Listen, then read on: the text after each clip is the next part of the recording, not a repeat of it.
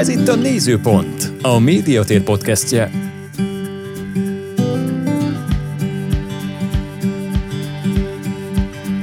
Köszöntök mindenkit, Székely Blanka vagyok, ez itt a Nézőpont, ahol képbe helyezünk mindenkit az erdélyi valóságról.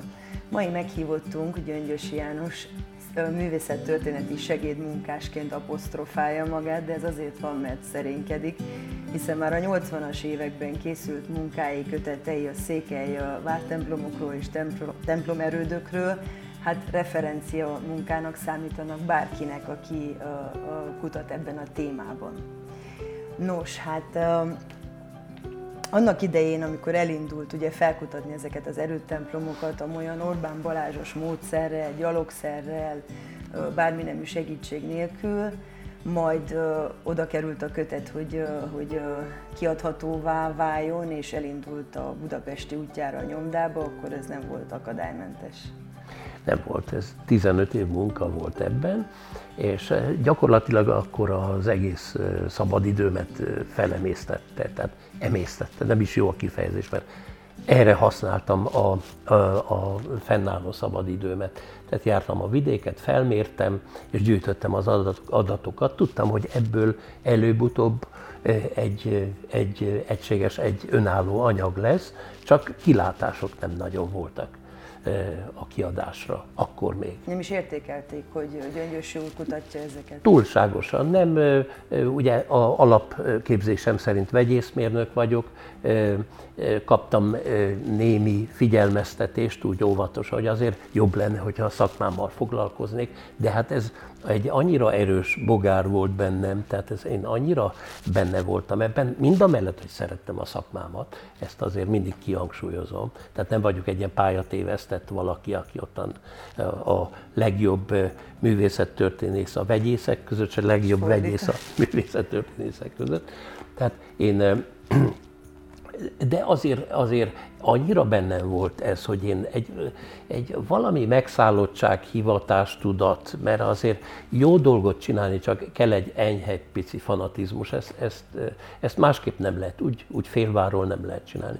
Na, így telt ez a 15 év, különösebb remények nélkül, hogy ez valamikor majd nyomdában is, nyomdában is napvilágot lát, nyomtatott Romániában legalábbis? Legalábbis Romániában. Azt tudtam, Dávid Lászlónak volt a Segesvári tiszteletesnek volt az utolsó igazán súlyos, tehát fajsúlyos művészettörténeti könyve, udvarhelyszék középkori emlékeiről. Ez a 80-as évek legelején megjelent, és ez volt a hattyúdal tulajdonképpen a kriterionnál.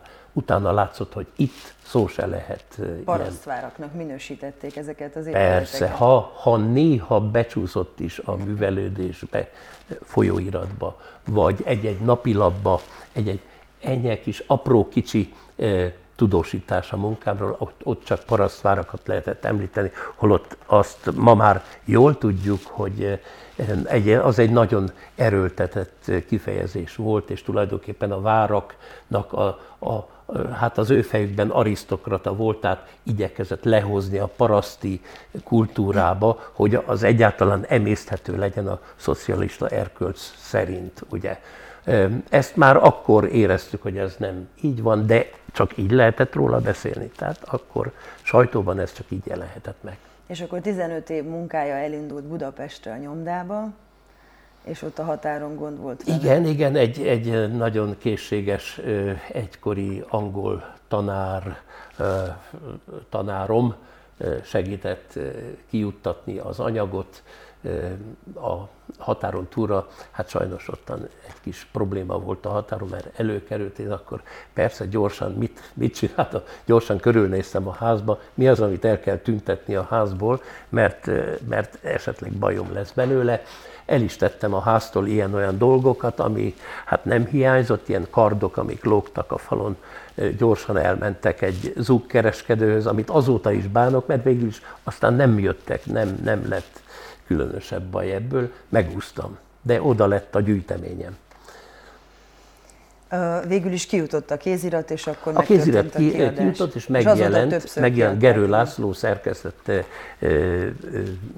folyóiratban, szakfolyóiratban megjelent. Azóta a régészeknek alapmű, és a kutatások, amit most végeznek, ugye vagy cáfolják, inkább, inkább bizonyítják a, a Gyöngyösi úr akkori észrevételeit. Igen, hát az, ami, az, ami aztán a, mindjárt a változás után kötetben majd aztán megjelent, mert aztán végül sikerült, az az anyag, az az anyag tulajdonképpen ma is egy alapmunkának számít, egy, tehát aki ezzel a témával akar foglalkozni, annak az első tájékozódási pont az ez. Tehát ezt átolvassa. Van benne cáfolni való, van benne tovább kutatni való, e, és van, ami, amit már most igazolt a, a régészet, művészet történet. Úgyhogy e, vegyes az érzés. Hogy mondjam, e, nekem az is öröm, hogyha cáfolnak, mert hogyha jó dolog, akkor lép előre az ismeret anyagban, lépünk előre. Viszont természetesen emberi hiúság, be kell ezt vallani, hogy nagyon jól esett az is, amikor Székely Derzsen megjósoltam, hát ezt idézőjelben mondom, hanem a alaprajzi formák szerint valószínűsítettem egy korábbi ellipszis alakú kerítőfalnak a létét, és ez be is igazolódott. Ugyanez még, még máshol is előfordult. Honnan ez a hatalmas szerelem a régmúlt iránt? Egyebet sem csinál Gyöngyösi úr, csak csata jeleneteket rajzol, a régi korok embereit, címereket. Igen, na, nagyon mélyre kell ásni, mert szerencsére édesanyám eltette nekem a mindenféle gyerekkori rajzomat, most is van egy ilyen szép kis paksamétával, és hát az ember, hogyha elővesz, akkor tényleg ez egy valami vírusos fertőzés lehetett, hogy mindenütt csata jelenet, várak, azt szoktam mondani, hogy csoda, hogy nem lett belőlem katonatiszt, jól néznék most ki. Hát nem, nem lett belőlem, de ez az érdeklődés, ez, ez nyomon követhető, és ez, ez úgy, ahogy, ahogy telt múlt az idő, ez egyre erősebb lett. Úgyhogy az akkori trend szerint hát reál pályára álltam, reál pályát választottam, de mindig a, a, a bogár az ott volt, készültem az egyetemi vizsgákra, de tudtam, hogy nyáron, ha ezt az egyetem, a vizsgákat leteszem, nyáron akkor merre felé indulok a Székelyföldön hátizsákkal, fényképezőgéppel és rajztömbben. Uh-huh. Um, milyen uh, uh, ötlettől vezérelve lettek ezek mindig ilyen madártávlatból. Ugye a mostani drónképeknek megfelelő várfokról, Igen. madártávlatból történnek legtöbbször ezek a rajzok. Így lehet legjobban rálátni egy épületre? Igen, igen, ezt, ezt úgy, is, úgy is hívják, hogy katona perspektíva. Tehát tulajdonképpen ez, ez mutat meg a legtöbbet egy épületből, és mindig, és ugye a, a fényképezésnél ott vannak a zavaró tényező, szép, lehet szép, de zavaró tényező egy-egy lombos fa, bokor, ház, ami eltakar bizonyos fontos részleteket. Itt pedig ennél a madártávlati rajznál szépen le lehet mindent hámozni, ami nem, ami sallangnak számít, ott akkor mi a cél? Az, hogy a műemléket bemutassuk. Tehát akkor mindent mesterségesen el tudok onnan távolítani, amit a fotó, a fényképezőgépen nem tudom megtenni. Persze akkor még drónokról még, még nem is álmodtunk, sőt arról sem álmodtunk, hogy repülőgépre föl lehetne ülni, és ki tudott akkor repülőgépre ülni, akinek engedélye volt, tehát azt csak többnyire katonai célokra használták. Én viszont megcseleztem ezt, ja, a hátsó kapun bejöttem, és megcsinált, megrajzoltam akkor, mint madártávol. Ennek megvan egy technikája, ez az az úgynevezett axonometrikus rajz, mikor megvan az alaprajzod, és megvannak az oldal méreteid, akkor szépen arra az alaprajz az egészet fölépített. És akkor van ez a vírus, ugye, amit át kell adni a legkisebbeknek, mert, mert, mert hasznos tud lenni a mai világban is, és akkor ennek az eredménye a legújabb munka, az erdélyi képes krónikák, ez tavaly jelent meg, és hát beszélgettünk előtte Gyöngyösi úrral, azt mondta, hogy nem csak a kicsiknek szól, hanem a, az idősebbeknek is, akár bárkinek, aki érdeklődik a téma iránt. Mi van ebben benne? Van YouTube felvétel, én megnéztem két történetet, 22 történet összesen, nagyon viccesek, nagyon humorosak, nagyon fogyaszthatóak ezek az erdélyi képes krónikák. Hogy születtek? Igen, de ez úgy született, hogy hogy valamikor előkerült, egy pár évvel ezelőtt előbe került egy, egy lap, aminek a hátoldalán egy képregény volt. Uh-huh. Azt én úgy megnéztem, nagyon sok Photoshop, tehát nem kézi munka, hanem rengeteg Photoshop a, érződött rajta. A story, hát a story az volt egy story, igen, és akkor úgy ezen én elgondolkoztam, hogy ez azért mint mi érdemelnénk nem hogy ennél többet is, hanem egyebet is. És akkor, akkor éreztem én azt, hogy nekem ehhez a készségem megvan. Van egy alap rajzkészségem, van egy rakás épület rekonstrukcióm. És, és ebből az egészből össze lehet hozni egy olyan anyagot, ami gyermekeknek valóban így a, a serdülőkortól a, az öreg, örök gyerekekig egy emészthető anyagot lehet ebből hozni, és azokból a krónikákból, amelyek ott porosodnak a polcon, vagy a levéltárakban bizonyos dokumentumok, ami úgy nem nagyon kerül civil ember kezébe. Hát ki az, most valljuk be őszintén, ki az, aki évente kétszer oda megy a polchoz, és leemel egy erdélyi krónikát, mondjuk Georg Krausnak a Kolozsvári, illetve Segesvári krónikairónak a könyvet, hogy olvassa, nem. Viszont én, ha a, a, a, a, nagy, a jellemző és nagyon érdekes részleteket kiemelem onnan, és a közönség elé tárom, az már egy egész más. Akkor adott volt hozzá a rajzkészség, az épületekben való jártasságom, és meg tudtam adni a korhangulatot. Így született meg ez a munka,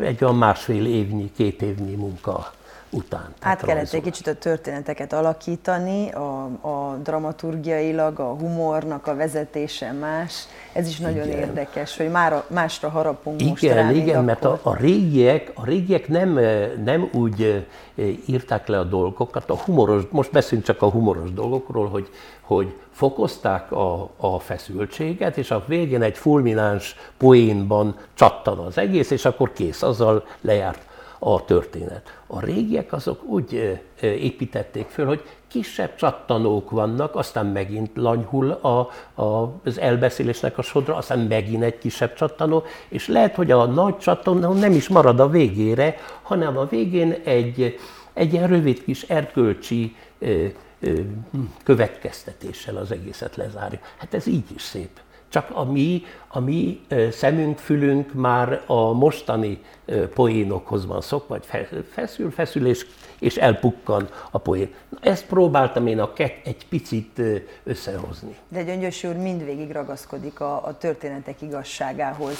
Ugye a legendáriumhoz is nagyon-nagyon sok köze van, a mindannyiunk által ismert legendáriumhoz Gyöngyös úrnak, és hát Szörmanót mindenki ismeri, nem is kell megmutatni a nézőknek a hasonlóságot. Én nem tudtam, hogy Gyöngyös úr, de, de, de rákérdeztem, mert hogy uh, nyilvánvaló és hogy ő, ő az, aki sokat tud, tehát ő az, aki a tényeket tudja, ugye nagyapóval szemben vannak a legendák, a sztorik, Igen. de van, van a történelem, és ez Szőrmanó, hát ilyen Gyöngyösi úr is, Igen. ő ragaszkodik azért a dolgok igazságához. Igen. És fontos ugye a fiataloknak, a gyerekeknek is így átadni ezeket a történeteket.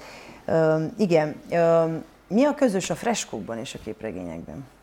Freskókban, a képregényekben, na, na, én akkor jöttem erre rá, én már a freskókon túl voltam. Tehát volt egy, egy olyan szakasz az életemnek, amikor a Szent László falkép ábrázolásoknak a, a érdekesebb részleteit én magam megrajzoltam tehát egy kötetbe, ami a legendáriummal együtt egy közös projektünk volt. Tehát a freskókat már ismertem, a freskóknak a felépít, főleg egy ciklikus, egy történetet, ahogy a freskó elmesél, például Szent Lászlónak a Cserhalmi ütközete.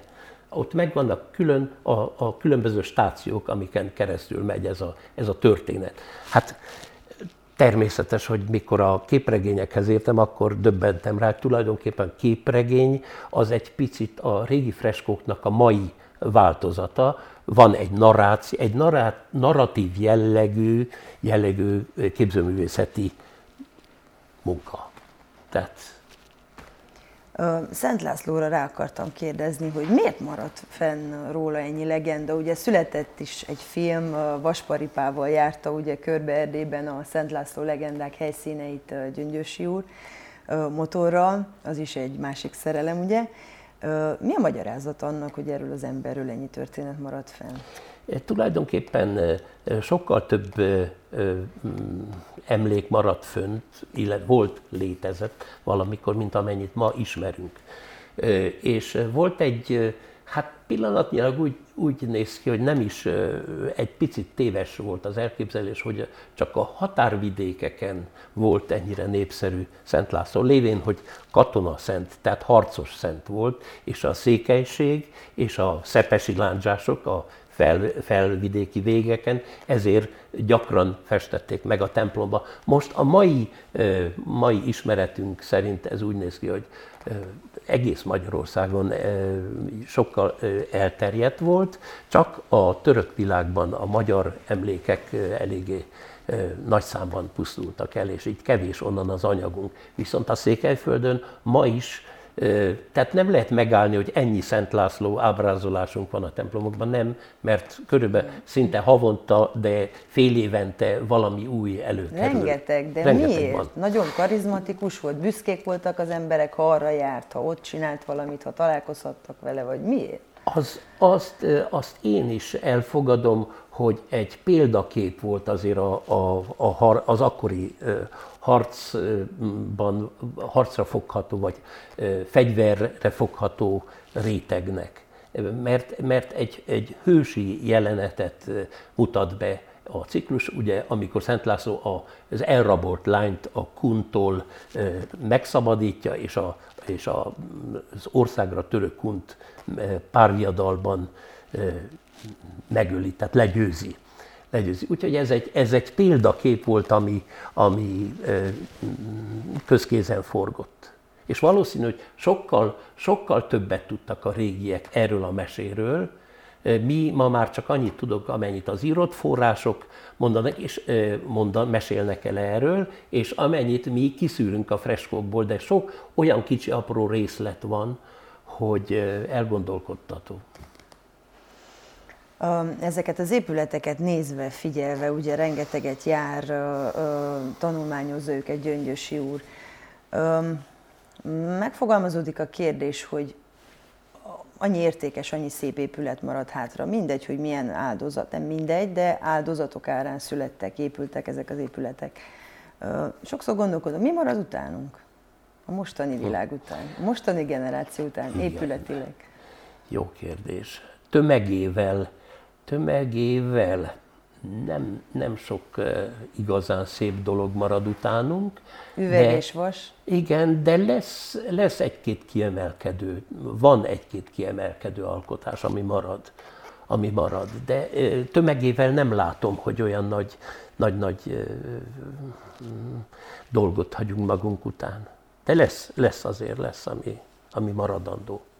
Ezért is született ugye ez a kötet, hogy nem mindegy, hogy a mostani gyerekek, a mostani fiatalok, a legkisebbek mennyire tudják megszeretni ezeket a helyszíneket, az épületeket, mert az ő kezükben van a jövőjük végül is. Igen, igen. Ugye volt és, egy ilyen cél. És, és egy kicsit, hogy mondjam, van egy, egy globális hömpölygés, ami, ami jön felénk. Ez, abban van jó, van rossz, nem, nem, nem, hogy mondjam, nem elítélendő, nem egy teljesen negatív jelenség. De azt viszont mindenki látja, hogy óriási tömegével jön szembe velünk, és a lokalitás, a helyi kicsi dolgok, ezeket félő, hogy, hogy nagyon elnyomja, nagyon maga alá temeti. Ebben, a, hogy egy, egy ilyen képregényt hoztam össze, ebben az a, hát én tisztesnek mondom, tisztes szándék, az a szándék is megvalósul, vagy e, szerepet kapott, hogy egy picit tegyünk valamit, nem ellene, melléje, melléje. Az a sok minden mellé, ami jön, jön befelé, jön felénk. Legyen egy kis lokális, helyi valami is, amit mellé teszünk. Gyereknek egy kis kiegyensúlyozottságot valamennyit biztosítson. Legalábbis én, ez, ez az én aportom ehhez a dologhoz. Um, milyen, um, igen, tehát akinek ennyire, ennyire mély rálátása van a múltra, az épületeken keresztül, a történeteken, a krónikákon keresztül, uh, milyen volt a régi ember? A mostanihoz képest. Ugye most olvasom a zseniális könyvet, a Sapiens-t, a, a Noal, a Harari kötetet. Ő azt mondja, hogy a régiek mindent jobban csináltak. egészségesebben étkeztek, kiterjedt tudásuk volt fizika, biológia, kémia terén, most meg mindenhez kütyühöz nyúlunk, segítséghez nyúlunk. Ha össze kéne hasonlítani az életformát a régi, mert ugye jó rálátása van a Gyöngyösi úrnak, mert rengeteget Igen. mászkál ezeken a régi helyszíneken. Elég nehéz kérdés, mert, mert én nem is tudom, hogy ebben megmernék nyilatkozni, mert annyira áthat engem ez a régi, a régi koroknak a hangulata, hogy félek, hogy egyoldalú lesz a, a, az ítélkezésem. Én, én egy műemlékszámban menő falusi házban lakom. Én azt megvettem, és visszaalakítottam mindent úgy, ahogy volt, és egy, egy szobát berendeztem teljesen régi, ottani helybéli, nem innen-onnan összevásárol, helybéli festett butorokkal, amit még meg lehetett menteni a faluból, hogy az maradjon legalább helyben. És egy időben azt mondtam mindenkinek, hogy ez így nagyon szép, de múzeumban nem lehet élni. Tehát úgyhogy teljesen minden régi, és te élj benne, az nem lehet ma már. És most eltelt egy, mm, egy pár évtized, vagy másfél évtized, és most azt mondom, hogy nem igaz. Múzeumban is lehet élni. Tehát az ember, hogyha ő maga átalakul egy picit, vissza megy az időben. Most nem azt mondom, hogy gyufa helyet vagy gyújtó helyet használjunk kovát és acélt, de az életvitelét meg tudja úgy szervezni, hogy ne legyen akkora nagy különbség, vagy akkora nagy szakadék a két kultúra között, a mai és a régi között. Nem tudok ennél okosat mondani, tehát valami úgy is jön, a, a változás úgy is jön szembe, és azt hiszem, hogy mi itt benne most túl kicsik vagyunk ahhoz, túl a pillanat emberei vagyunk ahhoz, hogy eldöntsük, hogy az jobb volt, és a miénk rossz, vagy fordítva. Nem tudok. Úgy tűnik, mint egyre kevesebbet tudnánk. Ez valószínű, ez biztos, hogy igen. Ilyen, ilyen ö, okos idióták lettünk. Uh-huh okos, okos idióták. Hűtővel. Én magam is az lettem valamikor, valamikor fiatal koromban, mindenféle kütyöz nyúltam hozzá, most már inkább a feleségem intézi ezeket, úgy, úgy ó, ózkodom, tehát nem akarok belemenni, hogy én azt most megtanuljam, mert olyan, olyan idióta kezdek én is lenni, tehát tudom, hogy minek azt a gombját meg kell nyomni, de tovább engem nem érdekel. Tehát túl, túl nagy az információ áradat, eh, ahhoz, hogy én az egészet átfogjam, tehát olyan, olyan nagyon okos. Tényleg egy picit idiotizálódunk. Lehet, így érzem, ez való igaz. Kipiszkálta belőlem. Igen. Igen. Ugye vannak a, most nem az, hogy rosszat mondjunk a Disney kastélyokról, de ennek a, a megfelelője meg lesz a Mini Erdély Parkban, ez egy igazán testhez feladat most Gyöngyösi úrnak, mert ugye önt lehet látni a parkban a kicsi gőzös vezetése közben, az idősebbek ugye tudják, hogy kihez van dolguk, de kihez van szerencséjük, de a, a gyerekek kevésbé, ők csak a látványt látják, hogy kivezeti a kis vonatot, viszont most egy igazán testhez álló feladat következik, most épül a vár. Igen, épül, Mi lesz ez? épül egy vár. Én úgy gondolom, hogy Fazakas Szabolcsal így Gyöngyös úr mindig így összedugja a fejét, hogy mit tudnánk még hozzátenni ehhez az egészhez, és így születnek Nagy figurák dolgok. vagyunk mi ketten, igen. Ebből a szempontból, igen. Igen, Szabolcs egy nagyon jó nagyon jó ötletember, nagyon kitűnő ötletei vannak, és én, én mind hogy nekem szimpatikus Szabolcs, én már rég ezért vagyok mellette, meg még azért is vagyok mellette, hogy ő egy olyan ember, aki mellé érdemes odaállni, és ahol kell, ott, ott segíteni neki, mert megéri segíteni, mert olyan ötletei vannak, hogy az érdemes kívül. Na, pont egy ilyen ötlet, éppen egy ilyen ötlet maga a vár is, ez a kis várnak, ez, én úgy szoktam mondani, ez egy háromnegyedes vár méretét tekintve. Szejkén lesz a mini A Szejkén a mini Erdély parknak a, a tetején egy gyönyörű kilátás, egy nagyon szép helyen, igen, és a méretét tekintve olyan, hogy fel, nem csak gyerek, felnőtt is beférje, végig tudjanak menni azon a bizonyos három bástyán. Ez tulajdonképpen egy, egy tanösvény, egy, egy, egy laboratórium. Tehát ahol, ahol a gyerek, te még a szülő is, megismeri egy, egy, egy 16.-17. századi várnak, mert azért a periódust el kellett dönteni, 16.-17. század. Miért ez? Mert Erdélynek ez volt tulajdonképpen a fénykora, a fejedelmi korszak.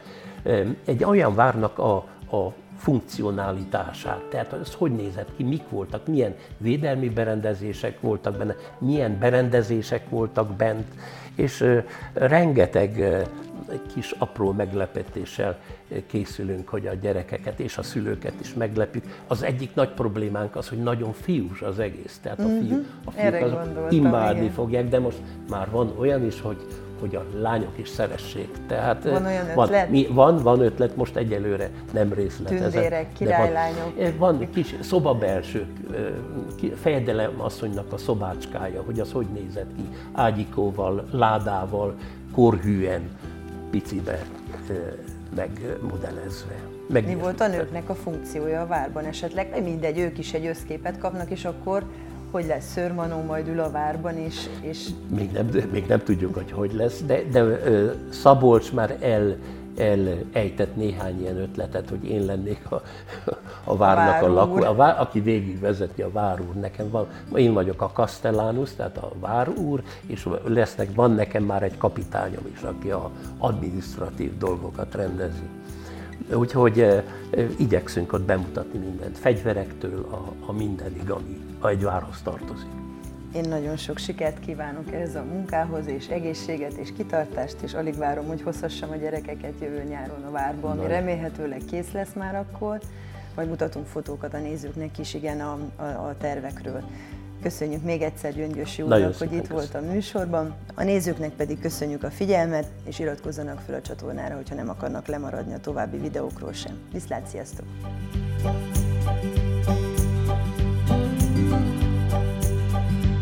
A Nézőpont podcastet hallották, ahol mindenkit képbe helyezünk az erdélyi valóságról.